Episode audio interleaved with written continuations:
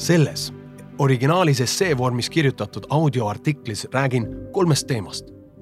esiteks, kes on klient ning millal me ennast üldse kliendina tunneme. siis räägin ka erinevatest maskidest, mida klientidena kanname. ja kolmandaks räägin tunnustuse ja heakskiidu olulisusest klientide usalduse võitmisel. head kuulamist. Kliendi usaldus ja klientidega suhtlemine on rohkem kui tehnika. kliendi kogemuse juhtimine on ennekõike töö inimpsühholoogiaga ja toimib ka siis, kui inimesed kasutavad selleks maski. ma ei pea siin silmas meditsiinilist maski, vaid ennekõike psühholoogilisi maske, mida kõik inimesed eri oludes ja hetkedes kannavad, sealhulgas kliendina poes sisseoste tehes või müüjana neile teenust pakkudes selles essee vormis audioartiklis analüüsin, kuidas klientidega suhtlemine ja mask käivad käsikäes. kui mõtleksid korraks koos minuga sõnale klient, mis sulle pähe tuleb? kui mina mõtlen sõnale klient, siis tekivad minus vastakad emotsioonid ja pildid. silme ette tulevad allahindlused ja sipelgate kombel poodide poole kihutavad inimesed, hullud päevad ja osturallid kus roosad ja kollased kilekotid üksteise võidu asju kokku ostavad. viimaks sulab see kõik umbmääraseks massiks, mis on eemalt vaadates sama elutu kui autod liikluses või lehed, mis puudelt langevad. siblimine, liikumine, ostlemine. Lähemale minnes aga pilt muutub. ilmuvad ninad, suud, silmad, mütsid, kindad, sallid, ilmed, hääled, lõhnad, maskid.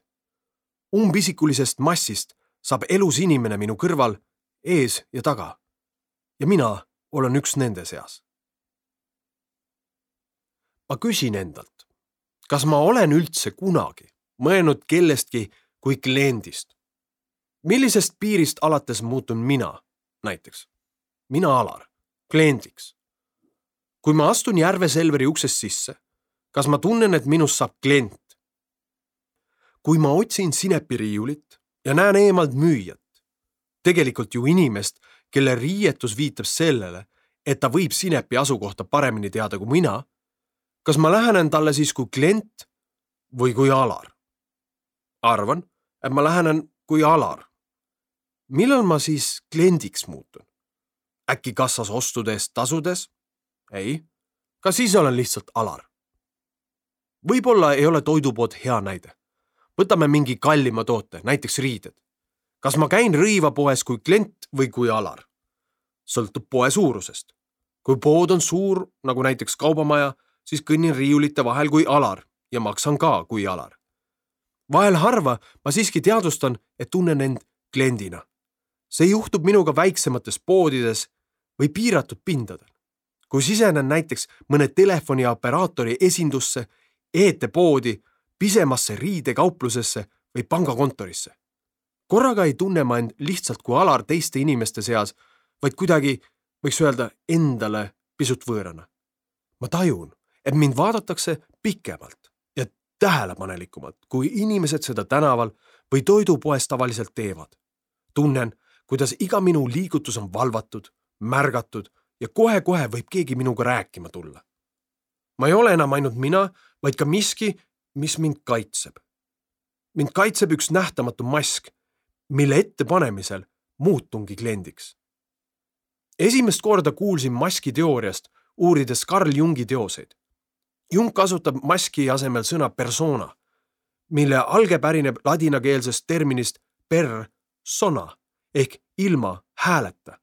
sõna persona oli kasutusel Vana-Kreeka näidendites kasutatavate maskide tarbeks viidates justkui häälele, mis tuleb maski tagant. Jung kirjutab sellest teemast väga põhjalikult ja toob välja, et iga inimene kannab erinevates sotsiaalsetes olukordades erinevaid maske ehk persoonasid. näiteks võib mehel olla olemas isa mask, poja mask, aga ka taksojuhi mask, saamatu mask, kõva mehe mask ja nii edasi. ja nagu endale üllatuseks avastasin, ka kliendi mask kliendi mask aitab mul läheneva müüja professionaalselt ja umbisikuliselt eemale saata, tundmata seejuures süütunnet, mida ma tavaolukorras inimesi sel moel koheldes tunneksin. aga miks ma üldse tunnen vajadust end teiste inimeste eest kaitsta? tegemist võib vabalt olla minu unikaalse ja isikliku probleemiga. võimalik, et mulle ei meeldi olla vaadeldud eesmärgiga minult midagi saada. Alati, kui see juhtub, tundub poes käimine justkui mäng. sisened ruumi, kus on sinu jaoks potentsiaalselt huvitavad asjad, kuid sellel ruumil on üks eripära. seal olevad püsiinimesed on treenitud sulle eesmärgipäraselt lähenema. see tähendab, nad ei käitu nii, nagu lihtsalt inimesed selles ruumis koos sinuga. Nad käituvad nüüd pisut imelikult. Nad käituvad kui omakasupüüdlikud müüjad. ausalt öeldes mulle tegelikult ei meeldi mu mask. kui proovin end tunnetada kliendi maskiga, siis mulle ei meeldi see spetsiifiline mina, mis on peamiselt tuntav kui pinge minu keha esiküljes, rinnaku, kurgu ja otsmiku alas. seda tunnet võiks kirjeldada teatud jahedusena.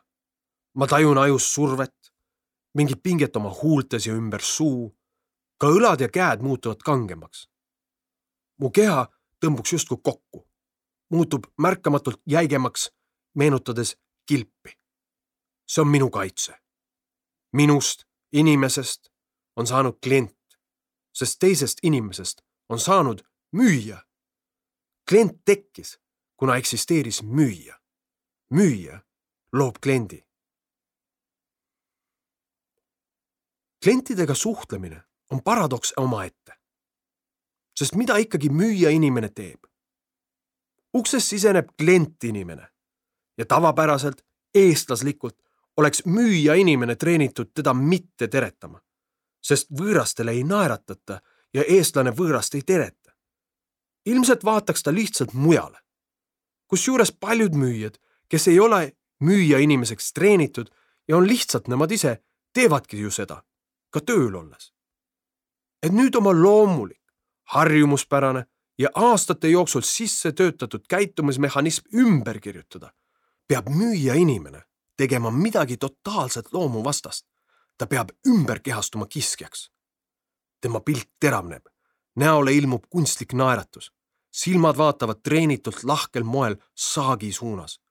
rüst muutub sirgemaks kehasse tekkinud isevärki kuumus annab impulsi teha kaks sammu siseneja poole öelda mingi lause, mida see inimene tavaolukorras ja omaalgatuslikult väga suure tõenäosusega kunagi ei ütleks. ehk justkui klientidega suhtlemine on eestlase jaoks nagu koduse kasvatuse eiramine. kuna eestlane naljalt ikka teisele niisama naeratama ja tere ütlema ei lähe, siis juhtubki, et kui üks mängib müüjat, hakkab teine mängima klienti. teenindavale personalile on seatud kõrgendatud ootus olla igas olukorras võimeline kliendi kogemuse juhtimine enda kontrolli alla võtta. vahel on see aga äärmiselt raske, eriti siis, kui müüja vastas on mõni nartsissistist või neurootikust madala enesehinnanguga inimene. näiteks kui klient tahab nõuda oma õigust ja võõra inimese ehk siis müüja peale pahandada. kui klient on saanud halva toote või teenuse siis aitab kliendi mask tal oma pahameelt välja elada.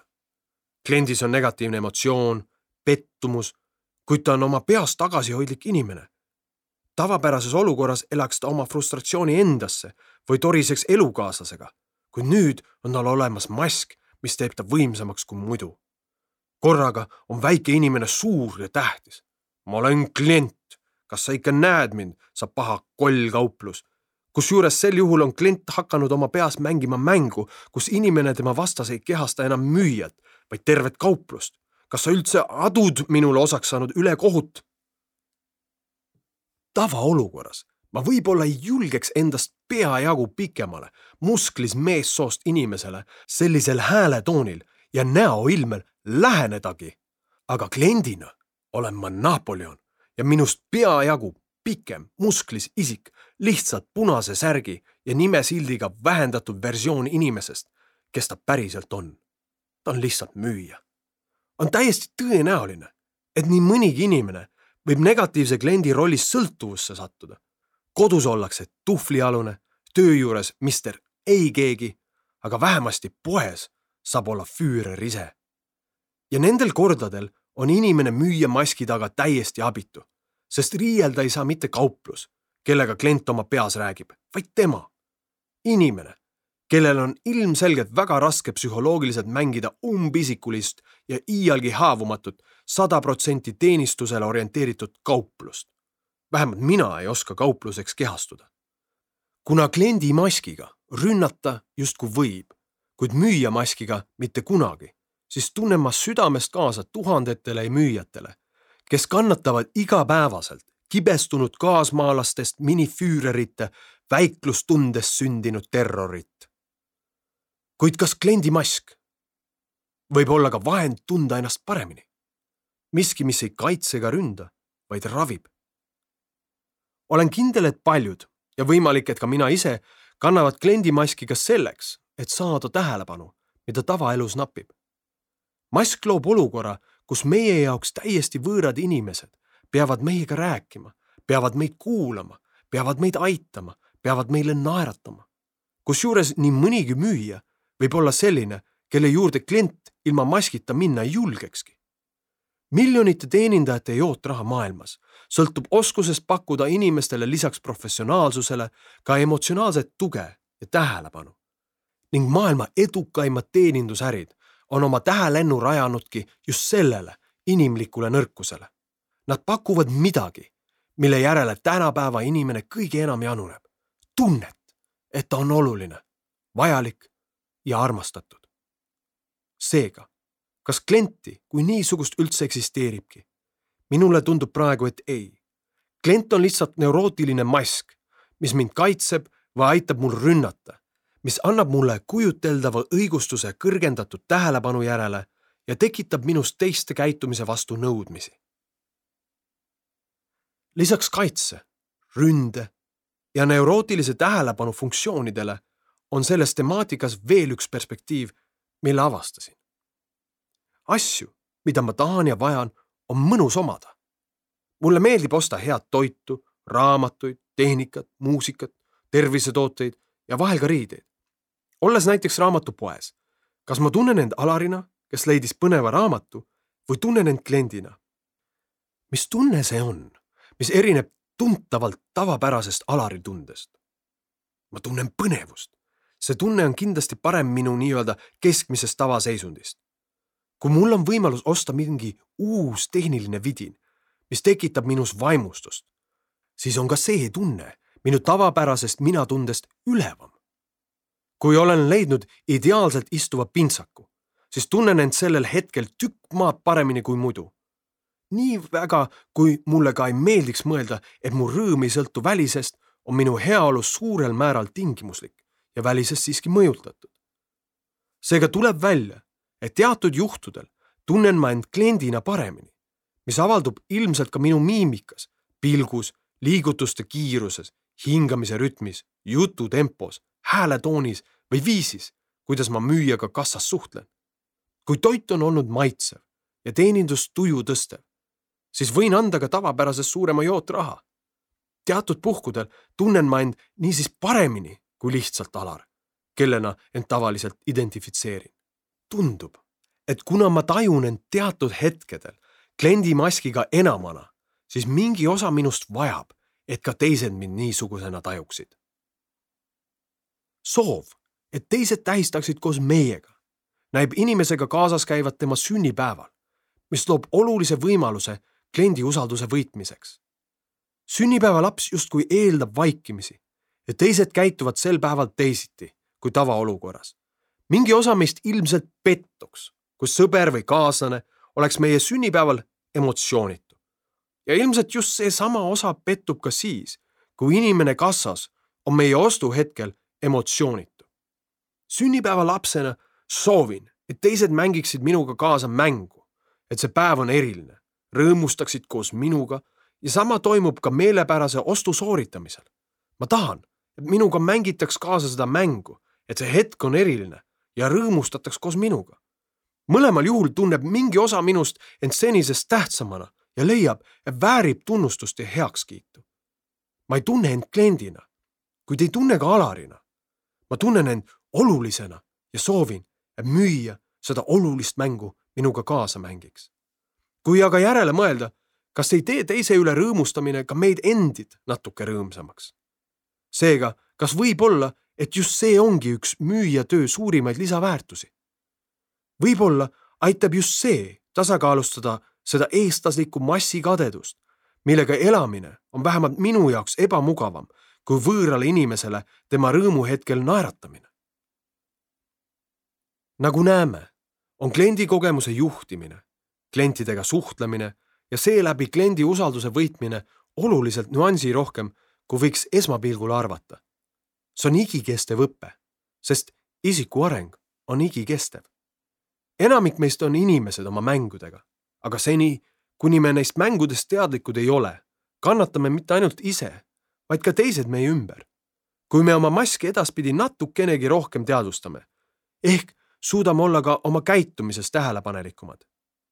kiirelt omandavate teenindusnippide taustal töötab alati oluliselt sügavamale minev teeninduspsühholoogia, mis aitab põhjendada, miks tihti lihtsalt tehnikate kasutamisest keerulisemates teenindussituatsioonides ei piisa ja kuidas hoida töömotivatsiooni ka siis, kui tahaks alla anda.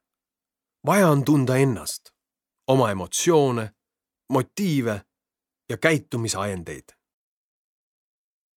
ma loodan siiralt, et selle audioartikli kuulamine oli sinu jaoks väärtuslik aeg ja kui see nii oli, siis kutsun sind ka kuulama minu täispikka audioraamatut Ratsionaalne emotsionaalsus, tugevad tulemused pehmetest tegudest, mille info ja lingi leiad minu kodulehelt alarojastu.com.